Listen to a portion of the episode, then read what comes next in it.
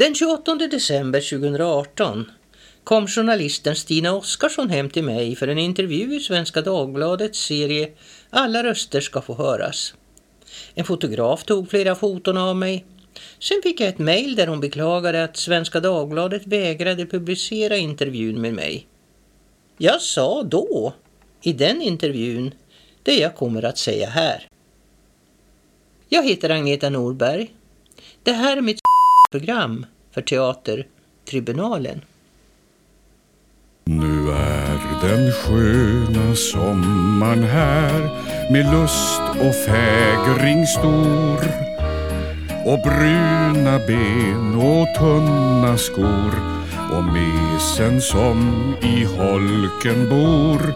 Och doft av hägg och kaffekask och burken full av mask och knappt har solen sjunkit ner så börjar den gå upp.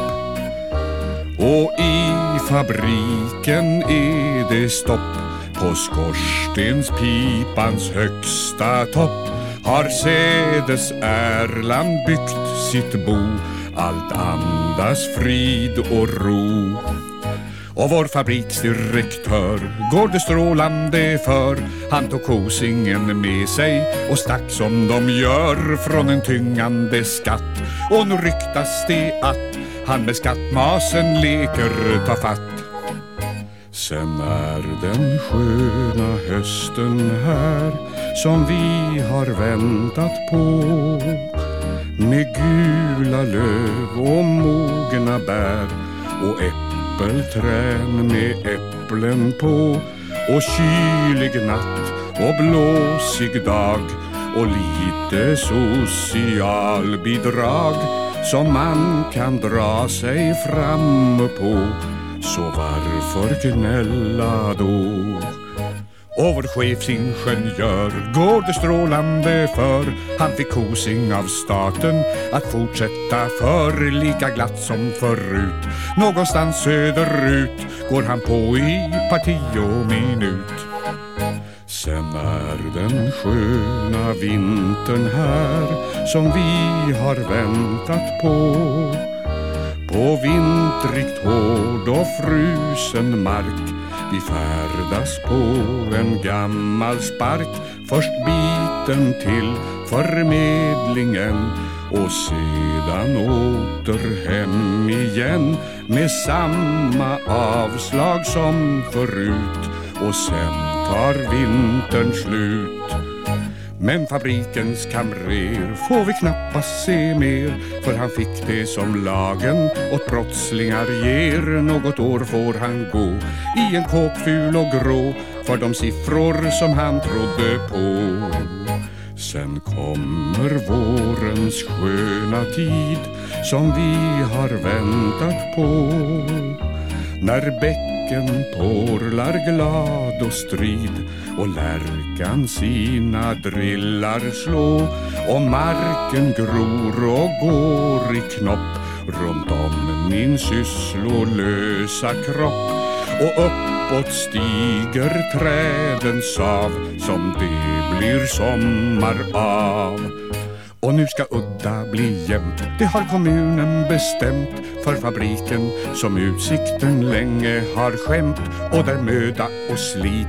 Luktar blod, svett och skit. Tar man bort med en dos dynamit. Sen är den sköna sommaren här. Med lust och fägring stor. Och bruna ben och tunna skor och mesen som i holken bor. Och kaffekask och dragspelslåt. Och getingbon och motorbåt. Och mjölkcentralens kalla glass. Och utedans och utedass. Och dunket från en fiskesmack. Och juice i tetrapack. Och man är ledig och fri och det skiter man i för det kvittar snart hur det ska bli. 1913 sa Rebecca West. Jag har aldrig lyckats komma på exakt vad feminism är för något. Men jag kallas feminist när jag uttrycker åsikter som skiljer mig från en dörrmatta. Den lappen har jag på min kylskåpsdörr. En annan lapp är av Arundhati Roy, en indisk författare. Hon sa Once weapons were manufactured to fight wars. Now wars are manufactured to sell weapons. Alltså tidigare tillverkades vapen för krig. Nu tillverkas krig för att få sälja vapen. Och sen har jag en notis av Bertolt Brecht. Wir kämpft kan verlieren. Wir nicht kämpft hat schon verloren. Alltså, den som kämpar kan förlora. Den som inte kämpar har redan förlorat. Jag tänker på professor Noam Chomsky som sa By their silence you understand the importance. Ungefär när det är tyst om någonting förstår man hur viktigt det är. Och det är mycket farligt att bryta tystnaden. Se bara vad som hänt Julian Assange som försmäktar i fängelset i England. Se på Chelsea Manning, nyligen frigiven från ett långt fängelsestraff i USA. Och Edward Snowden, sedan flera år i exil i Moskva. Brottet är att ha talat, brutit tystnaden om USAs krigsförbrytelser. Vi äldre ska inte vistas ute bland folk i coronatider. Men My, min granne på fjärde våningen i mitt hus, har varit jättehygglig och handlat mat åt mig. Och så måste vi ju röra på oss och därför är morgongympan på tv med Sofia Åman från Umeå så himla bra. Men jag hade inte kunnat vara med om inte Didrik, den hedersmannen, hade installerat en tv åt mig när min egen hade pajat. Didrik, han är pappa till mitt barnbarns barn, Ossian. Och mamman är Johanna, mitt första barnbarn. Dagarna kan bli sega och lite tråkiga, men ett väldigt trevligt sällskap är fåglarna som flyger runt balkongen och pickar på talgbollarna vid mitt fönster. Det är talgoxen, det är blåmesen, den rosa sidensvansen och gråsparven och den färggranna hackspetten. Då minns jag min pappa, småbrukaren och skogsmannen som ibland när den stora familjen satt och åt nära på välte matbordet för att rusa till fönstret för att hinna se någon ovanlig sparv som flög förbi. Och vi barn skulle absolut lära oss fågelnamnen, inte bara de svenska. Att korpen hette Corvus corax, bofinken Fringilla Fringilla och tranan Grus Grus och blommor maskrosen, Taraxacum vulgare, ekorrbär, Majantemum bifolium. Dessa namn kunde jag rabbla redan som sexåring. Och fågelkvittret som ni nu hör, det tillägnar jag med tacksamhet min granne My.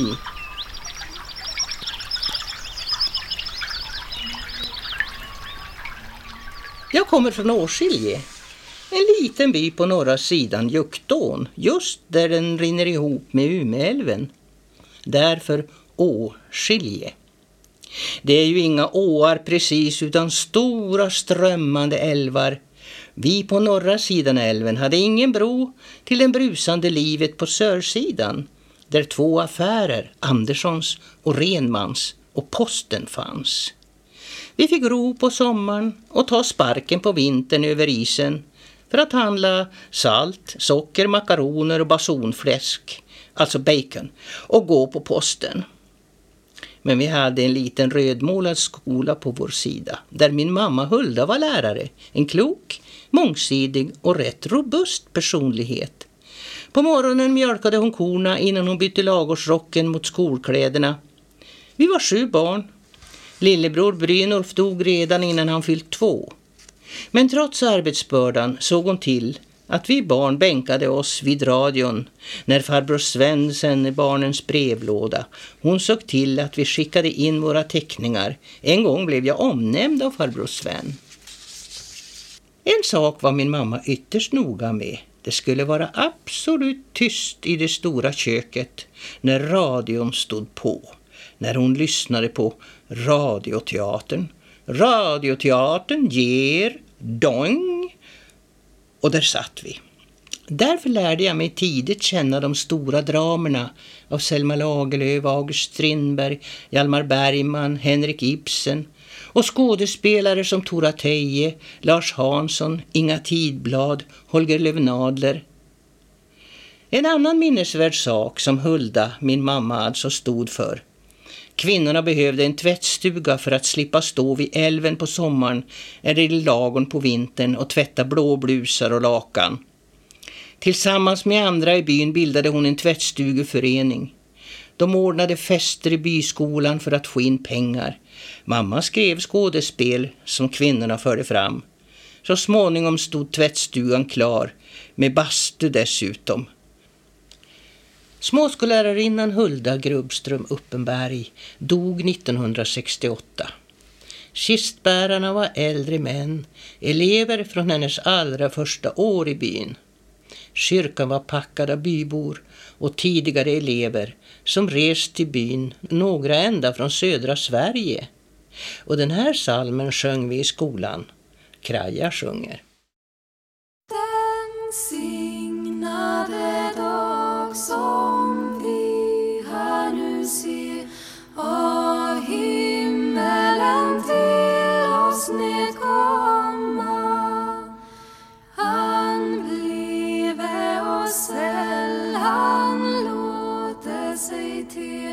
oss allom till glädje och fromma Ja, Herren den högste oss alla idag.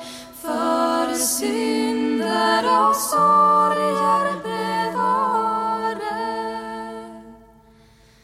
Den signade dag, den signade tid. Var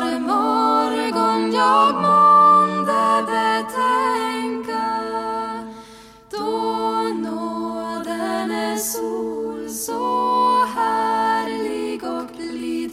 Rann upp för alla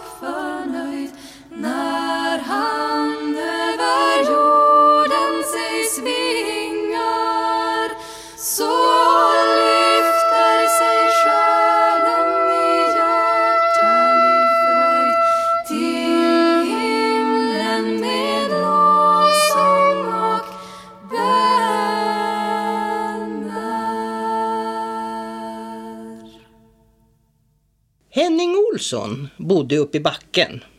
Han kunde spela orgel. Han hade byggt en stor orgel med flera manualer och fotpedaler och lärt sig spela på egen hand.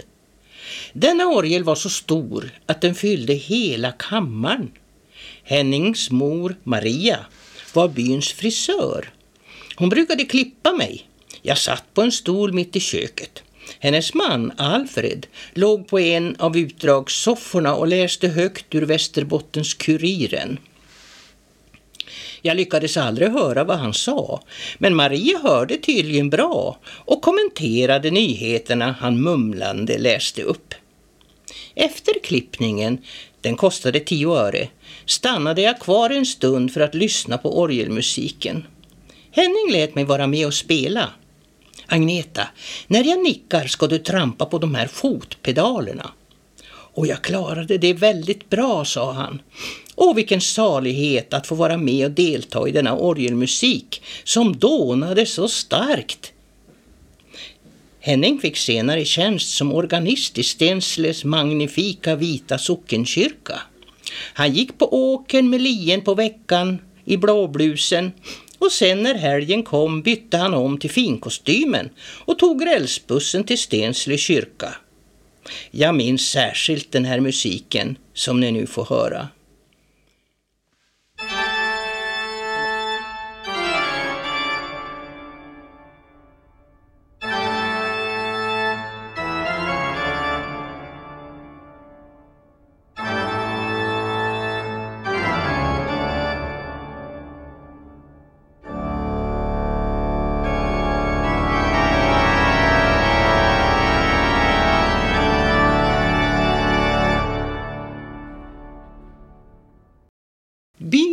Ligger i inlandet och Juktån var renjordarnas autostrada när de fördes från fjälltrakterna förbi byn mot kusten på senhösten. Jag stod ute i mörkret på kvällen och hörde plingandet av renskällorna och det dova rasslet av renklövarar hundratals, ibland tusen djur när jorden passerade byn. I den svarta natten hördes samernas rop. På morgonen var Juktåns snölager nedtrampat. Hela älven hade blivit platt som ett salsgolv av de tusen renklövarna.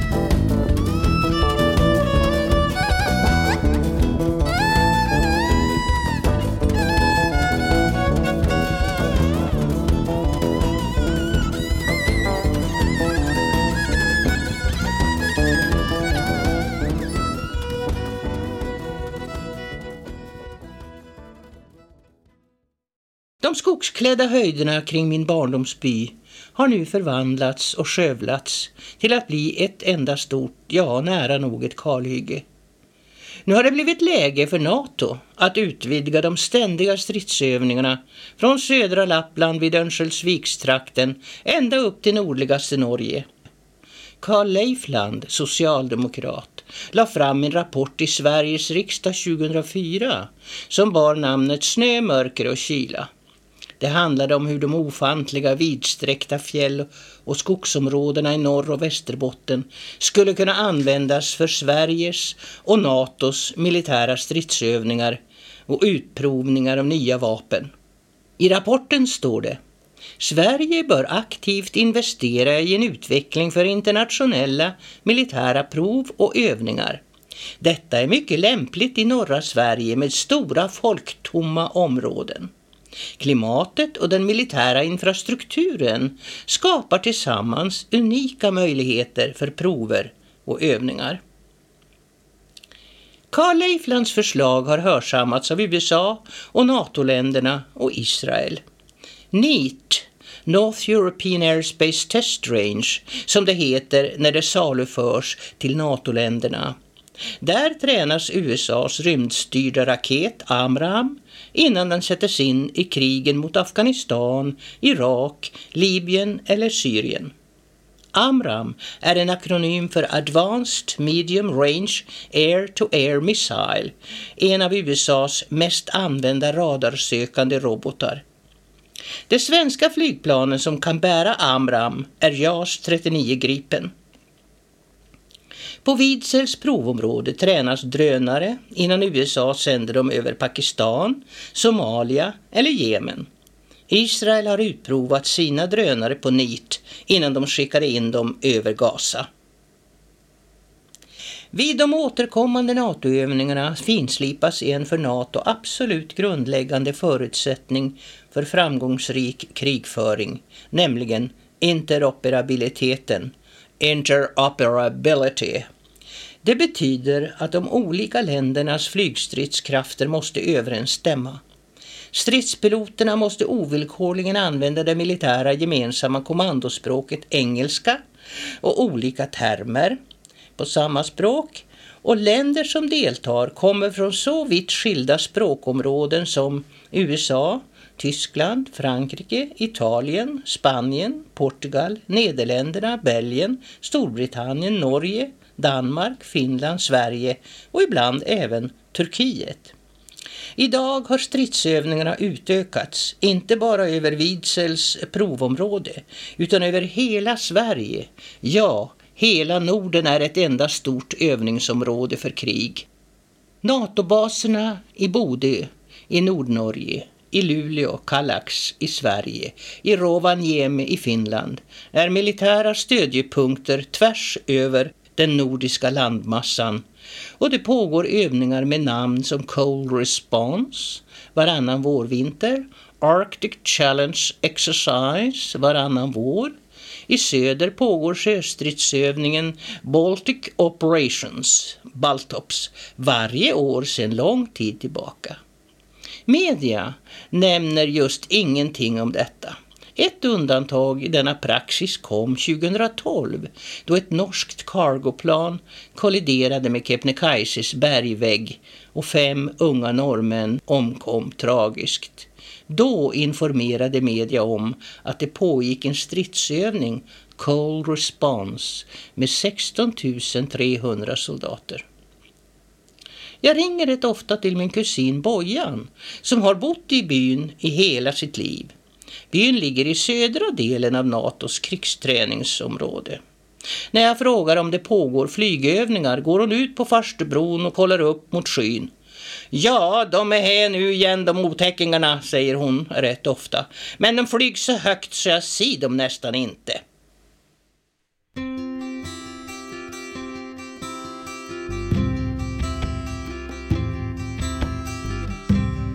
Lyfter bombflyg och minor sprids igen. Och all världens tyranner namnger fiende och vän. Alla våra regeringar stämmer in i samma kör och faller in i ledet men jag stannar utanför är bara en lögn. En utav många, vi har hört flera. Ge oss inte en ny likadan. Inga fler folkmord i mitt namn.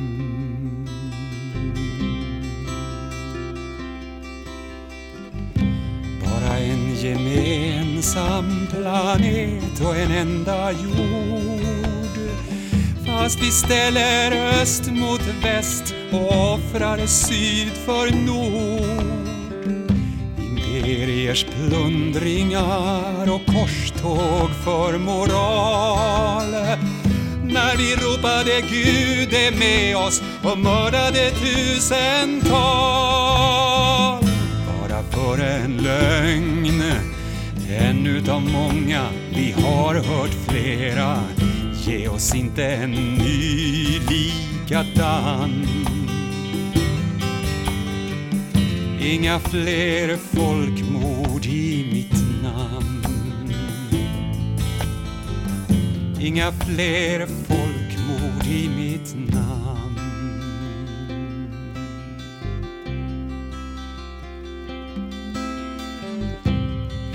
Globalisering styrd av en handfull vita män och krigets första offer nu som då är sanningen.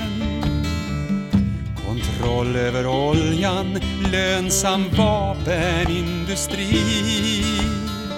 Men vem har sagt att vi förverkligar en demokrati? Det är kanske en lögn, en utav många, vi har hört flera. Ge oss inte en ny likadan. Inga fler folkmord i mitt namn. Det är kanske en lögn, en utav många, vi har hört flera. Ge oss inte en ny likadan. Inga fler folkmord i mitt namn. Inga fler folkmord i mitt namn.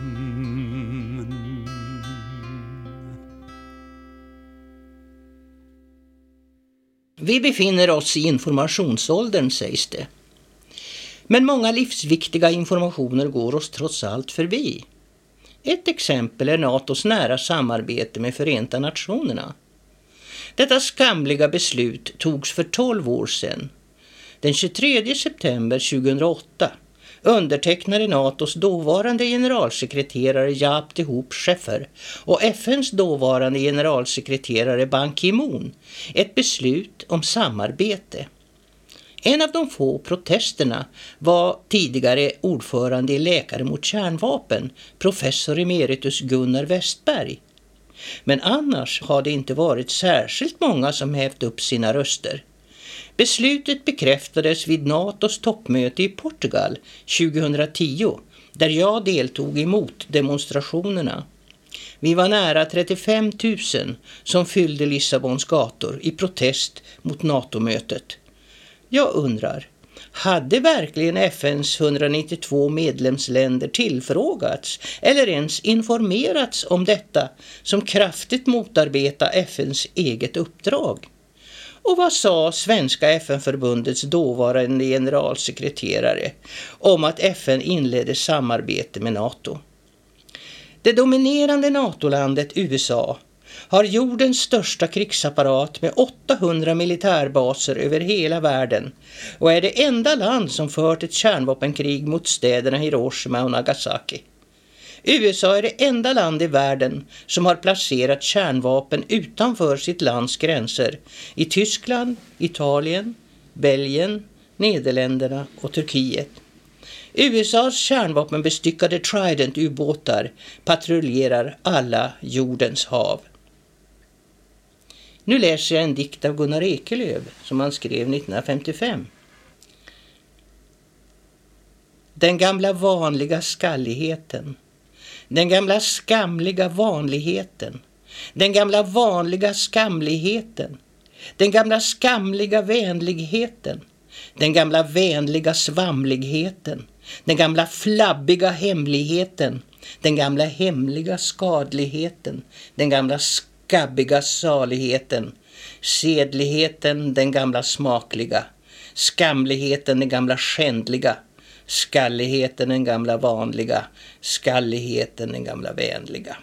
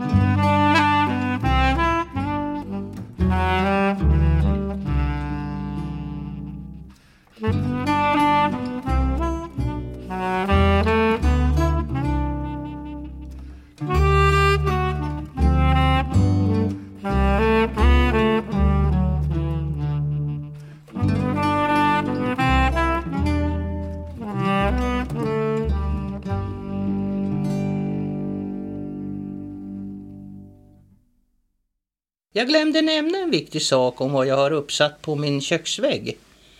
Det är namnen på företag som tjänar stora pengar på krig. De är så väldigt många, så jag har bara tagit med de absolut största i världen. De har lika stora budgetar som mellanstora europeiska länders statsbudgetar. Det är Lockheed Martin, Boeing, General Dynamics, Raytheon. Dessa ofantligt stora företag som tillverkar alla typer av krigsmateriel, stora slagskepp, hangarfartyg, ubåtar, pansarvagnar. De provocerar fram krig runt om i världen för att få avsättning för sina produkter. De skapar hotbilder och konflikter. Representanter för dessa företag sitter högt upp i makthierarkin i USA och nära Vita huset. I samband med detta bör nämnas de stora PR-företagen. PR står för Public Relation. Till exempel Hill Knowlton, Ruder Finn, Burston Marsteller och ett hundratal andra. De formulerar pressreleaser som de sänder till Reuters som trycker dem. Professor Johan Galtung säger i en intervju i ett nummer av Ord och Bild Människor är inte så mycket bättre informerade nu än förr. Uppgifter i USA visar att 40 procent av utrikesnyheterna fabriceras av 50 PR-företag. När det gäller Wall Street Journal är motsvarande siffra hela 50 procent. Det är ohyggliga siffror. De viktigaste PR-företagen är Roder Finn and Hill Knowlton och Hill Knowlton arbetade för Kuwaits regering. De fabricerade nyheten som alla svenska tidningar publicerade, nämligen att irakiska soldater rövade bort nyfödda barn ur kuvöser. PR-folket producerade och CIA såg till att det blev publicerat. Efter Kuwaitkriget, Hillen Nolton, den viktigaste uppdragsgivaren, blev anställd av Kroatiens regering. Och de fabricerar demonstrationsplakat och demonstrationer. Att människor är bättre informerade nu än förr, det vill jag starkt bestrida, säger Galtung. Men det krävs ett stort mod hos en svensk tidningsredaktör för att producera en verklighetsbild som skiljer sig väsentligt från den som produceras i USA.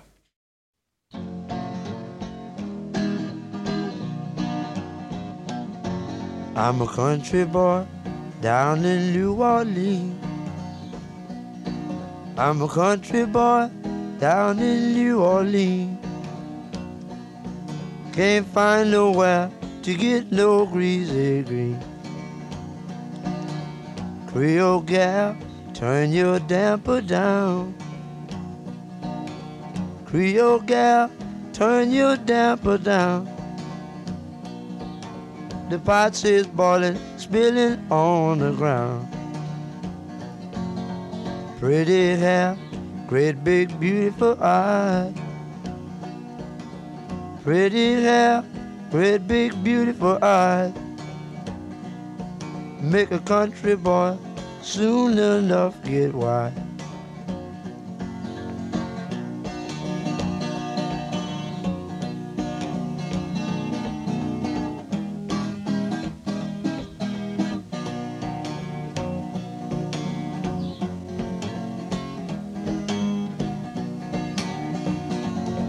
I'm a country boy down in New Orleans.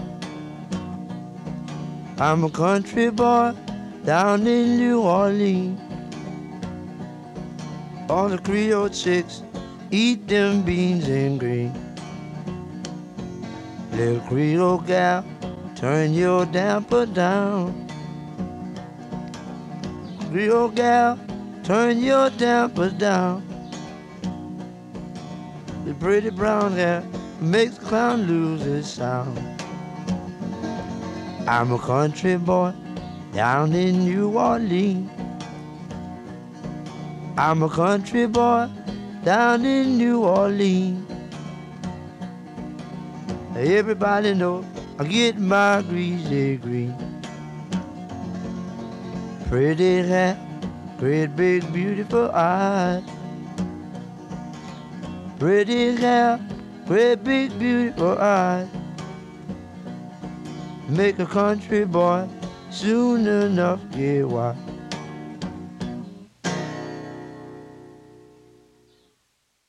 Sveriges försvarsminister Peter Hultqvist köper vapen från USA för miljarder kronor. Ställ dessa ofattbara miljarder mot de pengar som skulle ha behövts för att ge riktig vård till de ofta äldre människor som i stor utsträckning insjuknat och avlidit av coronaviruset. Flera hade förmodligen överlevt om man satsat på människor istället för på vapen. Detta mot en högst inbillad fiende.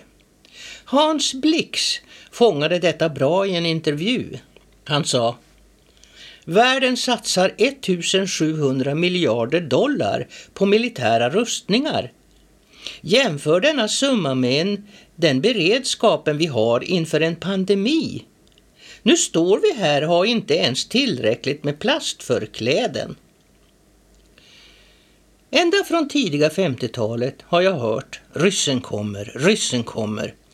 Och jag minns att jag var jätterädd för detta på den tiden. Varken under det förra kalla kriget eller det nuvarande finns det några tecken på att Sovjetunionen, idag Ryssland, har haft eller har några planer på att anfalla vårt land. Några dokument i arkiven som blev tillgängliga vid murens fall 1989 har heller inte kunnat hittas. Men att ryssen är Sveriges fiende nummer ett vidmakthålls ihärdigt av det så kallade militärindustriella massmediakomplexet som måste ha en hotbild för att överhuvudtaget existera. Karl XII, Napoleon och Hitler, alla hade de riktigt sjuklig besatthet av att erövra världens till ytan största land.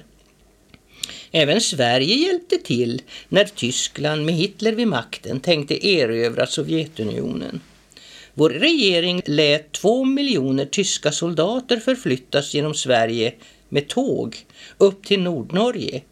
Och Sverige sände tågsätt efter tågsätt fyllda med järnmalm till de tyska vapensmedjorna.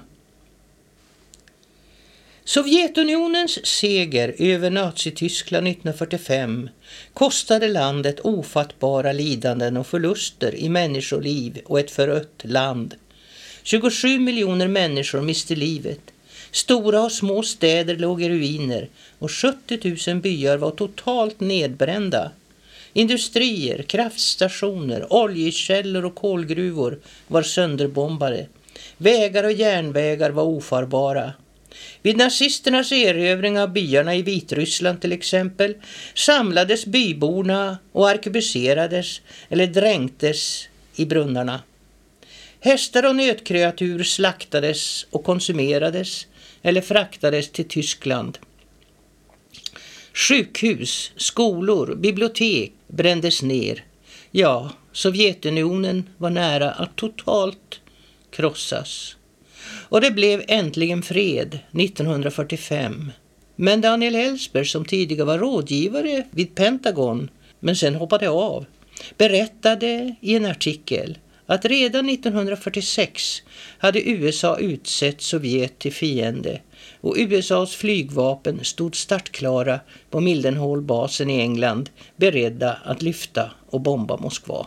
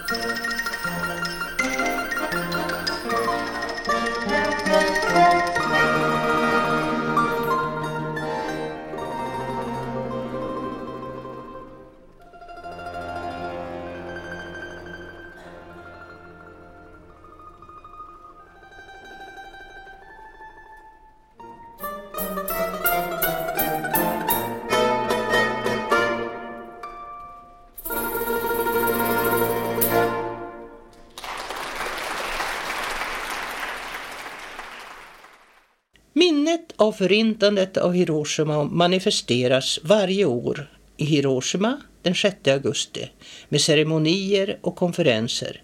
Även i vårt land uppmärksammas denna dag. Till Hiroshima inbjuds talare från hela världen. Jag har haft förmånen att bli inbjuden att föreläsa vid två olika tillfällen i Hiroshima. Där har jag blivit bekant med Joe Gerson från USA, författare till böckerna With Hiroshima Eyes, alltså med Hiroshimas ögon, och Empire and the Bomb, Imperiet och bomben. Han anser att USAs atombomber över Hiroshima och Nagasaki var en form av terrorism. Han säger att president Truman ljög när han sa att atombomben hade fällts på en japansk militärbas och tyckte att det var ett rättmätigt straff för Japans aggressivitet. Det verkliga skälet till detta brott doldes. Gerson säger vidare de som gav order om fällandet av bomben visste att det inte var nödvändigt för att Japan skulle kapitulera. De visste att atombomben markerade början på en ny form av USAs statsterrorism, kärnvapenutpressningen. Han citerar USAs Amiral Lee som yttrade att använda detta barbariska vapen över Hiroshima och Nagasaki var inte till någon hjälp i vårt krig mot Japan. De verkliga skälen till förstörelsen av städerna var att USA ville expandera, konsolidera och bevara sin ostasiatiska dominans, sitt Grand Area, storområdet. Ett annat skäl till att människorna offrades var för att försäkra sig om att Sovjetunionen skulle anpassa sig till USAs krav vid förhandlingarna under efterkrigstiden. Sovjet skulle inse att USA menade allvar och att Truman hade yttrat Now I have a hammer over Uncle Joe. Alltså nu har jag en hammare över Stalins huvud. Här följer en lista över några av de gånger USA hotat med kärnvapen. 1946, endast ett år efter krigsslutet, hotade USA Sovjet med kärnvapen angående en konflikt i norra Iran. Samma år sände Truman kärnvapenbestyckade bombplan över Jugoslavien efter nedskjutningen av ett USA-plan i Jugoslavien. 1948 hotar USA och Sovjet med kärnvapen vid Berlinblockaden. Och 1950 hotar Truman Kina när USAs marinsoldater är omringade i Chosin-reservoaren i Korea. 1951 godkänner Truman en militär förfrågan om att anfalla Manchuriet med kärnvapen om nya kinesiska trupper går in i kriget. Och 1953 hotar president Eisenhower Kina för att tvinga fram ett slut på Koreakriget på villkor som är acceptabla för USA. 1954 erbjuder Eisenhower utrikesminister John Foster Dulles Frankrike tre taktiska kärnvapen för att bryta belägren i Dien Bien Phu i Vietnam. Ja, så här håller det på år efter år under president Reagan, under president Clinton och president Bush. Alla hotar dem med kärnvapenutplåning om USAs förhandlare inte får sin vilja igenom. Listan slutar 2006 då USA hotade att bomba Irans kärnvapeninfrastruktur med bunkerbusters, alltså kärnvapen. Och USA har med stor säkerhet inte upphört med denna kärnvapenterror. Ой, ты, порушка, пораня, ты за что любишь Ивана? Ой, да я за то люблю Ивана, что головушка кудрява, что головушка кудрява, а бородушка да кучерява, кудри вьются улица. Люблю Ваню молодца, да кудри вьются улица. Ой, люблю Ваню молодца, ой, уж как Ванюшка по горенке похаживает.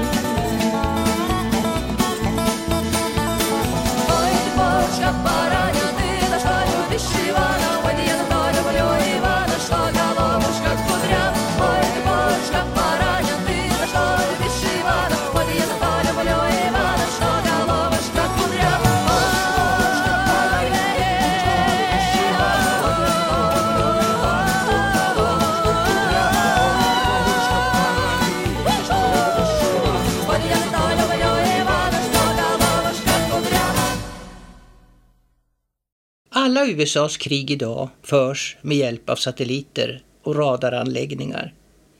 Det första satellitkriget var USAs krig mot Irak 1991. Det säger Bård Wormdal som föreläst i Sverige flera gånger.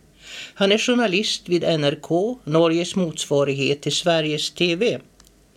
Han har gett ut flera böcker i ämnet och i boken Satellitkrigen beskriver han USAs militära kapacitet i rymden. Norge är en viktig plattform för denna typ av krigföring och markstationer för satelliter har byggts upp både i Svalbard och i Antarktis. Svalbard är en ögrupp i Nordnorge. Det deklarerades vara en fredszon redan 1920. Ett 50-tal länder undertecknade Svalbardtraktaten. Trots detta har den norska regeringen tillåtit USA att installera radaranläggningen Svalsat på Svalbard avsedd för krigföring. USAs krig i Kuwait 1991 var USAs första krig då satelliter fick stor betydelse. Vid krigets utbrott fanns tre av USAs satelliter strategiskt utplacerade över Mellanöstern. Satelliterna tillhörde US Defense Support Program. Även GPS, alltså Ground Positioning System-systemet, får sitt stora genombrott vid detta krig. Vanliga kartor i det stora ökenområdet var oanvändbara. Där fanns varken vägar, floder eller berg att orientera sig emot. GPS blev nu till ovärderlig militär hjälp för USA. Även kommunikationssatelliterna fick sitt stora genombrott. 2003 inleder USA ännu ett krig mot Irak. Nu är satelliterna en helt naturlig del i krigsmaskineriet. Dessutom har krigsföretaget Boeing utvecklat GPS-styrd ammunition och GPS-styrda bomber. Så vid USAs krig i Irak är stormakten en suveränt ledande rymdnation. Piloterna får exakta positioner för bombmål som gör det möjligt att utlösa ett GPS-styrt vapen. USA har dessutom brutit ytterligare ett avtal. 1998 genom att installera en annan anläggning, Havestare radarsystem med täcknamnet Globus 2. Då bröt USA ABM-avtalet, Anti-Ballistic Missile Treaty. Detta avtal som undertecknades 1972 förbjöd radarinstallationer i närheten av endera stormakten.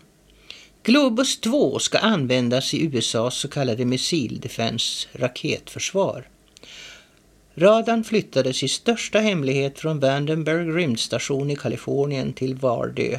Idag, 2020, har antalet radaranläggningar utökats till fyra stycken.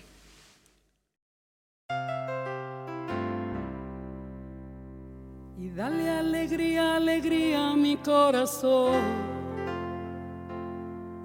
Es lo único que te pido al menos hoy. Y dale alegría, alegría a mi corazón. Y que se enciendan las luces de este amor. Y ya verás cómo se transforma el aire del lugar. Y ya,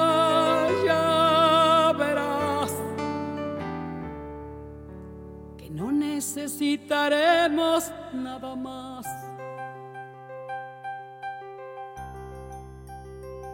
Y dale alegría, alegría a mi corazón. Que ayer no tuve un buen día, por favor.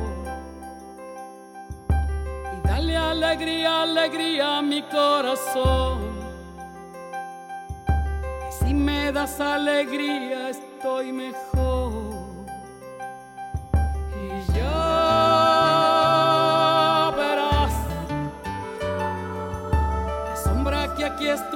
No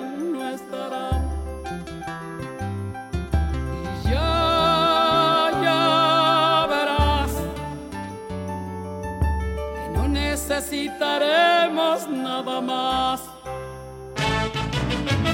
Dale alegría, alegría a mi corazón. Es lo único que te pido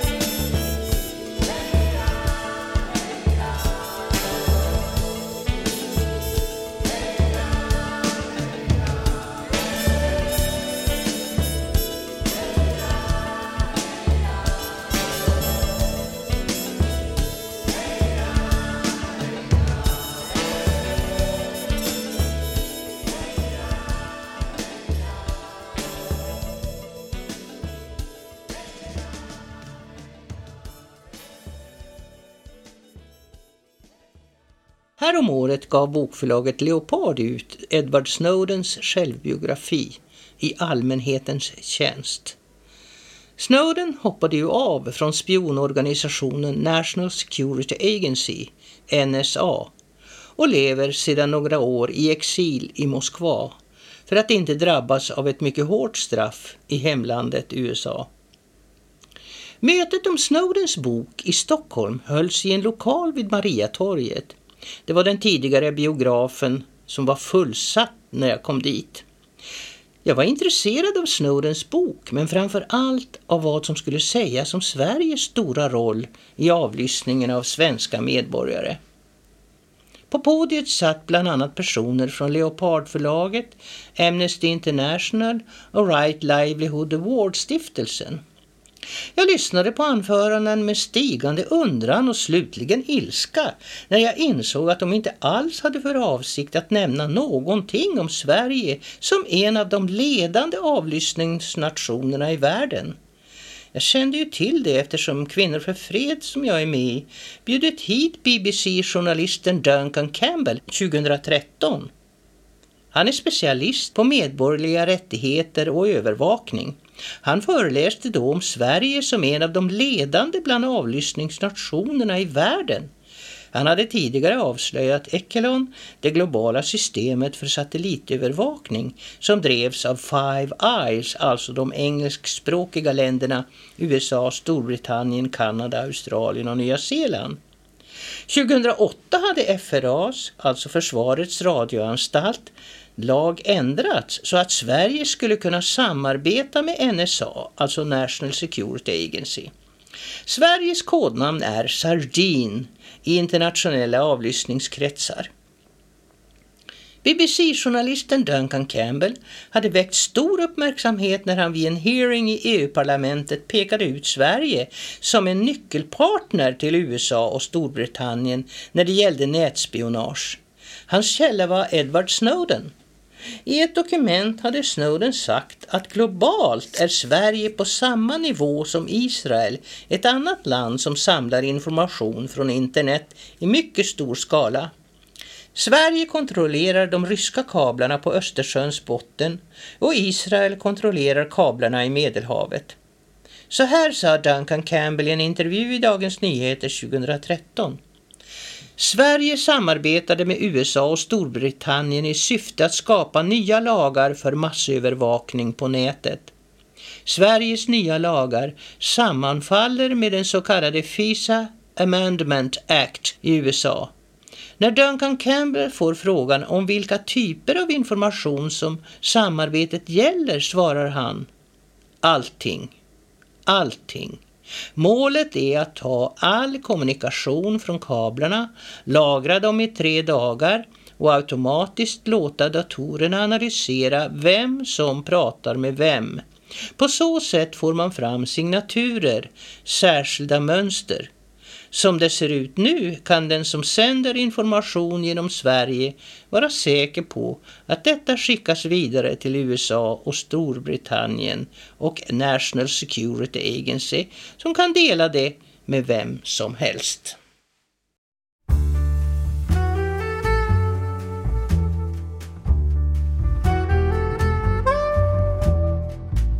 Why take the rain when you can have sunshine? Why take the pain when you can just feel fine? Why get in less when you can have it all? Don't take the mess, keep on rising, don't fall. Look at me, don't copy cause you see. I'm taking the bitter with the sweet. I'm taking the cold with the heat. And my heart keep asking, is this what you got? Only a choice of trick or treat. I'm turning the trust into disbelief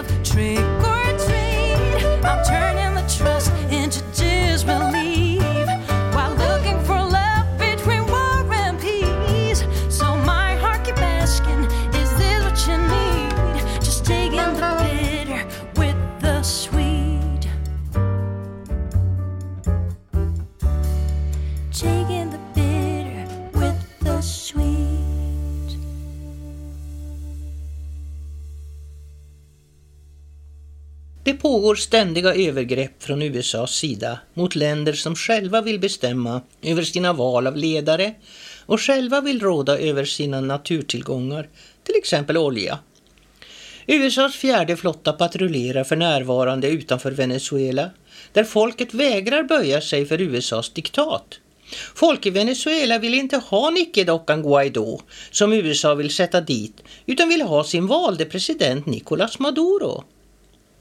Ett annat land, Bolivia, med världens största tillgångar av litium, en mineral viktig för mobiltelefoner och elbilar. Ja, där har den lagligt valde Evo Morales tvingats bort. Och Kuba, som går sin egen socialistiska väg, har utsatts för förföljelser och sabotage av USA i över 60 år. Flera trasiga länder som Afghanistan, Irak, Syrien, Libyen är resultatet av USAs krig för olja och dominans. Det har skapat flyktingar i hundratusental. Och vi ska inte glömma att Sverige varit delaktiga i detta när de sände sju JAS Gripen-plan för att USAs stridsflyg skulle hitta bombmål i Libyen. Den 12 september i år är det 40 år sedan den ohyggliga militärkuppen i Turkiet. Vänstern hade växt sig stark och var mäktiga i hela landet. Och de var till och med så brutala att de kastade USAs soldater på spåren när sjätte flottan besökte Istanbul. USA såg att risken att förlora NATOs östra flank var överhängande och stödde general Kenan Evren i kuppplanerna. Efter kuppen telegraferade USAs ambassadör glädjestrålande till Washington Our boys have done it! Alltså, våra killar gjorde det. Militärens grymheter var lika brutala och blodiga som vid kuppen i Chile sju år tidigare. Tusen människor, framförallt kurder, dog under tortyr. Journalister, författare, översättare, professorer, lärare ställdes inför militärdomstolar. Tusentals böcker brändes, filmer förbjöds, föreningar stängdes, flyktingar tog sin tillflykt genom Syrien och spreds till bland annat Tyskland och Sverige. Men förtrycket och förföljelserna, både mot den turkiska vänstern och mot PKK som kämpar för ett fritt Kurdistan, fortsätter till denna dag. Det var länge sedan massmedia gjorde sig besvär att tala om vad som faktiskt pågår i Turkiet, det största NATO-landet näst USA. Jag har haft nära band under många år med en politisk flykting från Turkiet och har kunnat hålla mig informerad om jakten på vänstern. Motståndet mot Erdogan-regimen har pågått länge. Bland annat genom den oerhört populära musikgruppen Grupp Jorum. De har gjort musik om fattigdomen i Turkiet, om tortyren i fängelserna och om kampen mot förtrycket. Nyligen inträffade en tragisk händelse. Två medlemmar av gruppen Ibrahim Göcek och Helen Bölek avled efter sin hungerstrejk i protest mot polisens behandling av dem mot att deras konserter förbjudits och stoppats med våld.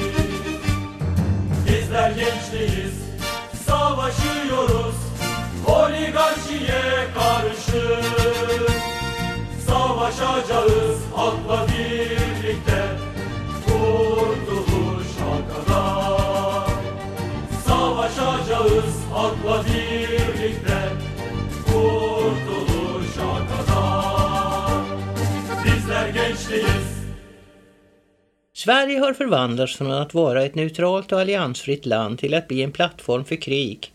Ett krig som kommer att föras med kärnvapen.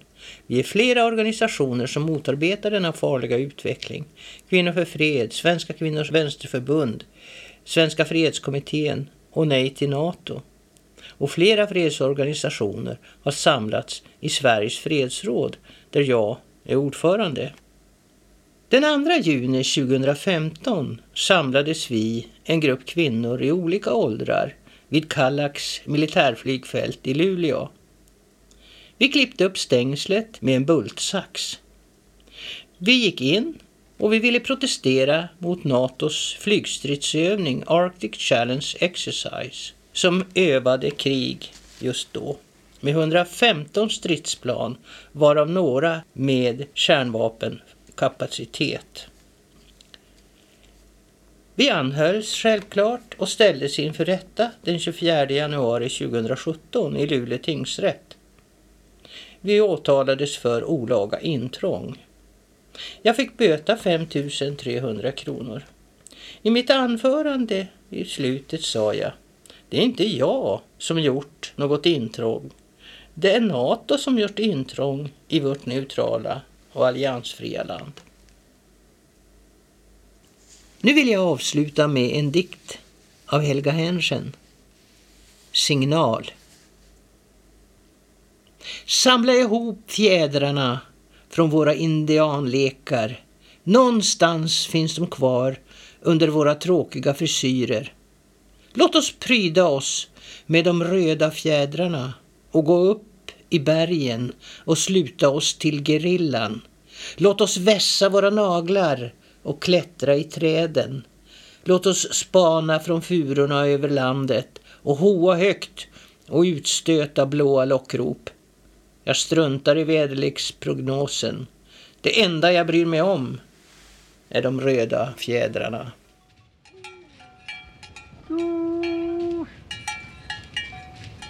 Two.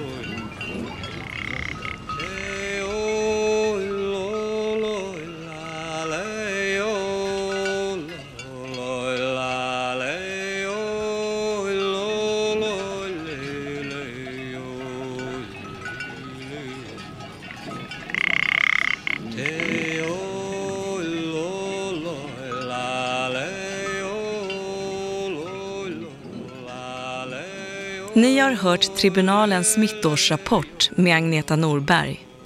Musiken som spelades var Årstider med Allan Edwall, Den signade dag med Jonas Knutsson, Johan Norberg och Kraja.